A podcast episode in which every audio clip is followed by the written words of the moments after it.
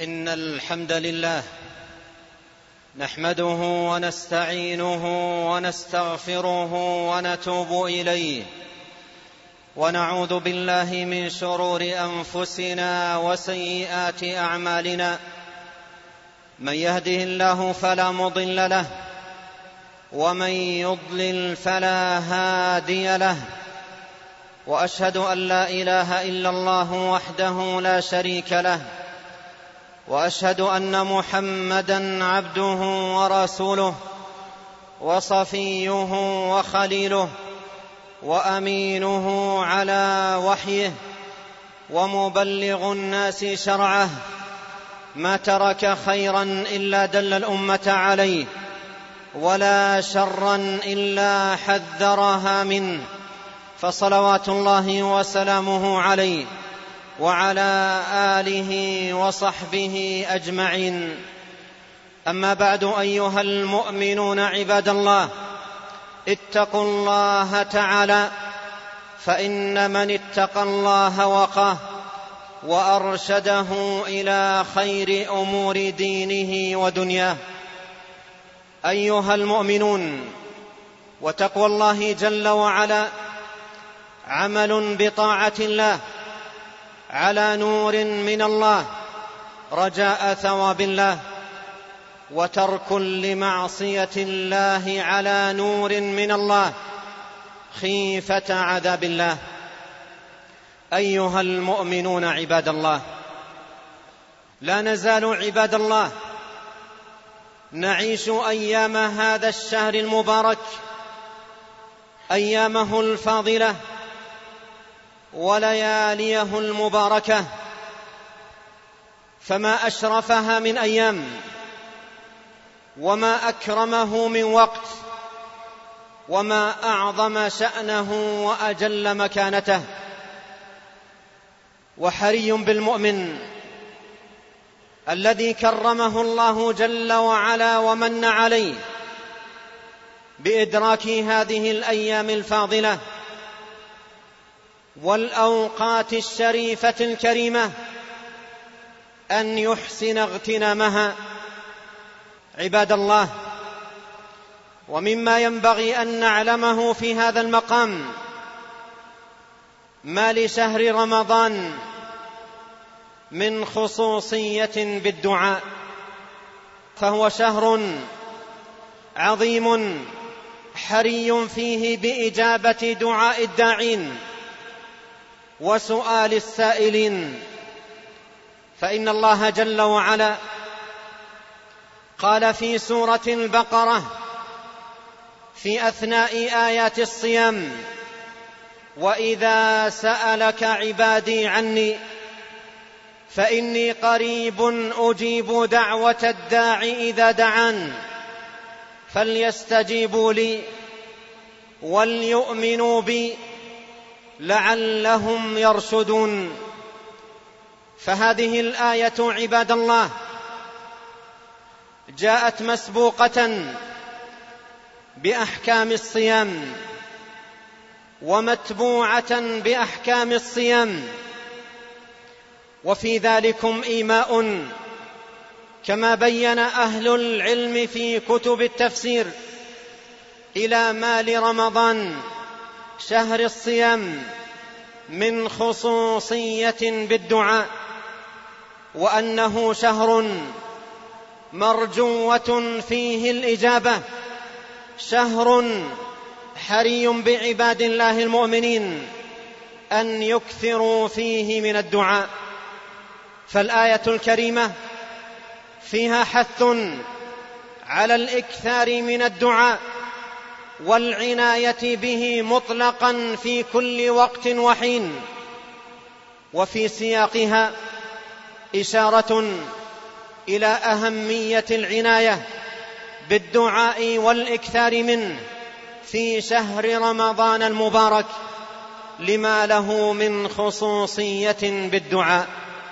ولا سيما عباد الله لياليه العشر الأخيرة لعظم أجرها وفخامة أمرها ولأن فيها ليلة القدر وهي ليلة عظيمة مباركة يتحرى فيها الدعاء ولا سيما بالدعاء العظيم الذي أرشد إليه النبي صلى الله عليه وسلم ألا وهو أن يقول الداعي اللهم إنك عفو. تحب العفو فاعف عنا. أيها المؤمنون شهر رمضان شهر تفتح فيه أبواب الجنان وتغلق فيه أبواب النيران وتصفد فيه مرده الشياطين. ولله تبارك وتعالى عتقاء من النار. وذلك في كل ليلة من ليالي رمضان وهو شهر التوبة والغفران. ويا عظم خساره من أدرك رمضان ثم ثم انسلخ ولم يغفر له. أيها المؤمنون عباد الله حري بالمؤمن أن يغتنم هذه الأوقات الفاضلة. بالإقبال على الله تعالى فإننا في أرجى أوقات الإجابة وأعظمها. ولا سيما عباد الله إذا تحرى الداعي في دعائه وقت السجود وأدبار الصلوات قبل أن يسلم وثلث الليل الآخر وغيرها من الأوقات التي يتحرى فيها إجابة الدعاء وأن يقبل في دعائه على الله مخلصا بقلب منيب موقن بالإجابة لا أن يكون داع بقلب غافل له وأن يمد يديه إلى الله. مد الفقير الذليل فإن الله حيي كريم. يستحيي من عبده إذا رفع إليه يديه أن يردهما صفرا وليتحر في دعائه شروط الدعاء وآدابه وليكن طامعا في نوال الله تبارك وتعالى وعطائه وليكن على ثقة بأن الله جل وعلا لا يخيب من دعاه ولا يرد من ناداه. كيف وهو القريب المجيب؟ وقد مر معنا قوله وإذا سألك عبادي عني فإني قريب أجيب دعوة الداع إذا دعان. وقال جل وعلا وقال ربكم ادعوني أستجب لكم. إن الذين يستكبرون عن عبادتي سيدخلون جهنم داخرين. اللهم يا إلهنا ويا ربنا ومولانا اجعلنا من أهل دعائك حقا وصدقا.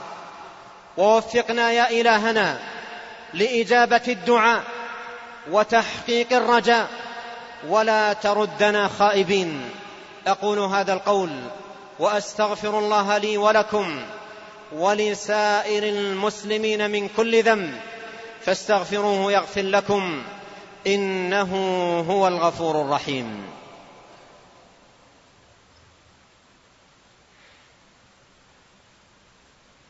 الحمد لله حمدا كثيرا طيبا مباركا فيه كما يحب ربنا ويرضى.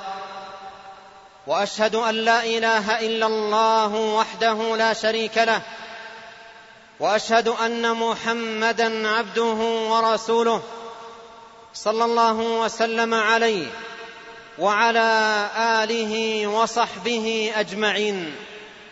أما بعد أيها المؤمنون عباد الله اتقوا الله تعالى. عباد الله كلنا يعلم ويسمع بما تمر به أمة الإسلام. في هذه الأزمان من فتن متلاحقة ومصائب عظيمة وبلايا متعددة ولا سيما وبشدة وقوة في بعض أوطان المسلمين وديارهم. فها هي حال إخواننا المسلمين في سوريا وحالهم في ليبيا وفي فلسطين. وفي العراق وفي ديار عديدة. وما يعاينونه من شدة. ومصائب عظام. دماء تراق. وحرمات تنتهك. وتعديات وظلم وبغي وعدوان. وها هي أحوال إخواننا المسلمين في الصومال. وما يعاينونه من مجاعات شديدة. وهلاك مفضع في جوع وعطش إلى غير ذلكم من مصائب متنوعة هنا وهناك. أليس عباد الله من الجدير بنا ونحن في شهر الدعاء والرجاء في شهر الخيرات والبركات في شهر العطايا والهبات أن نقبل أجمعين. يدا واحدة. نمد يد الضراعة إلى الله. ملحين عليه بصدق. مقبلين عليه. إقبال الراجين المؤملين. في رب عظيم. لا يخيب من دعاه. ولا يرد من ناداه. فالمسلمون عباد الله مثلهم مثل الجسد الواحد. إذا اشتكى منه عضو تداعى له سائر الجسد بالحمى والسهر. عباد الله ما أحوجنا أجمعين إلى تحقيق عبودية الدعاء بصدق وإلحاح على الله عز وجل في أن يكشف الغمة وأن يفرج الهموم وأن يجلو عن المسلمين المصاب وأن يرفع عنهم الشدة والبلاء وهو جل وعلا لا يخيب من دعاه ولا يرد جل وعلا من ناداه. اللهم يا ربنا ويا سيدنا ومولانا يا مجيب الدعاء يا مجيب دعوة المضطرين يا كاشف الشدة والبلاء يا من لا يخيب من دعاه ولا يرد من ناداه. نتوجه إليك إلهنا وسيدنا بأسمائك الحسنى وصفاتك العليا وبأنك أنت الله لا إله إلا أنت. يا من وسعت كل شيء رحمة وعلما يا حي يا قيوم يا ذا الجلال والإكرام أن تفرج هم المهمومين من المسلمين وتنفس كرب المكروبين. اللهم يا حي يا قيوم كن لاخواننا المسلمين المستضعفين في كل مكان ناصرا ومعينا وحافظا ومؤيدا اللهم كن لنا ولهم ولا تكن علينا. اللهم وانصرنا ولا تنصر علينا. وامكر لنا ولا تمكر علينا. واهدنا ويسر الهدى لنا. وانصرنا على من بغى علينا. اللهم يا حي يا قيوم. يا قاصم ظهور البغاة المعتدين. والطغاة الظلمة المعتدين. عليك يا حي يا قيوم بأعداء دينك وخصوم شرعك وأعداء أوليائك وعبادك. عليك بهم فإنهم لا يعجزونك.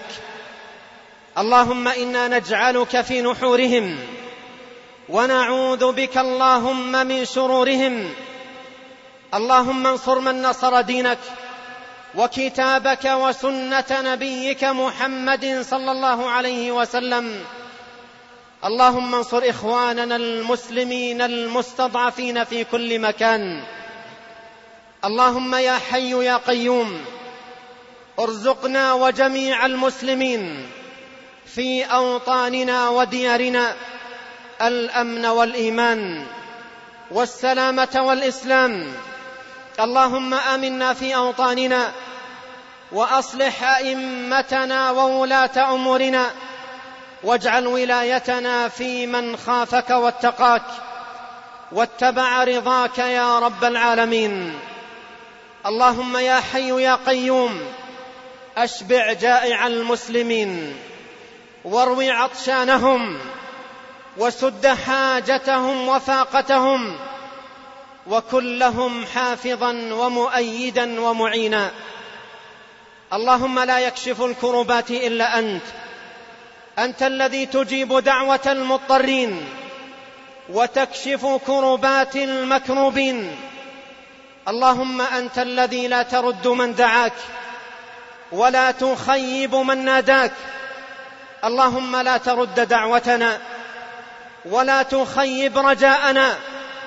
اللهم وأعطنا سؤلنا يا حي يا قيوم.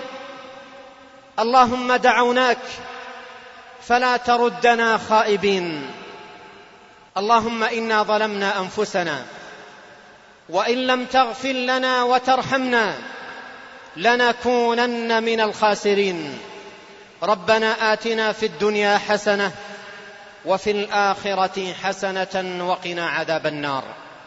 اللهم صل على محمد وعلى آل محمد كما صليت على إبراهيم وعلى آل إبراهيم إنك حميد مجيد وبارك على محمد وعلى آل محمد كما باركت على إبراهيم وعلى آل إبراهيم إنك حميد مجيد وارض اللهم عن الخلفاء الراشدين وعن التابعين ومن تبعهم بإحسان إلى يوم الدين. وآخر دعوانا أن الحمد لله رب العالمين.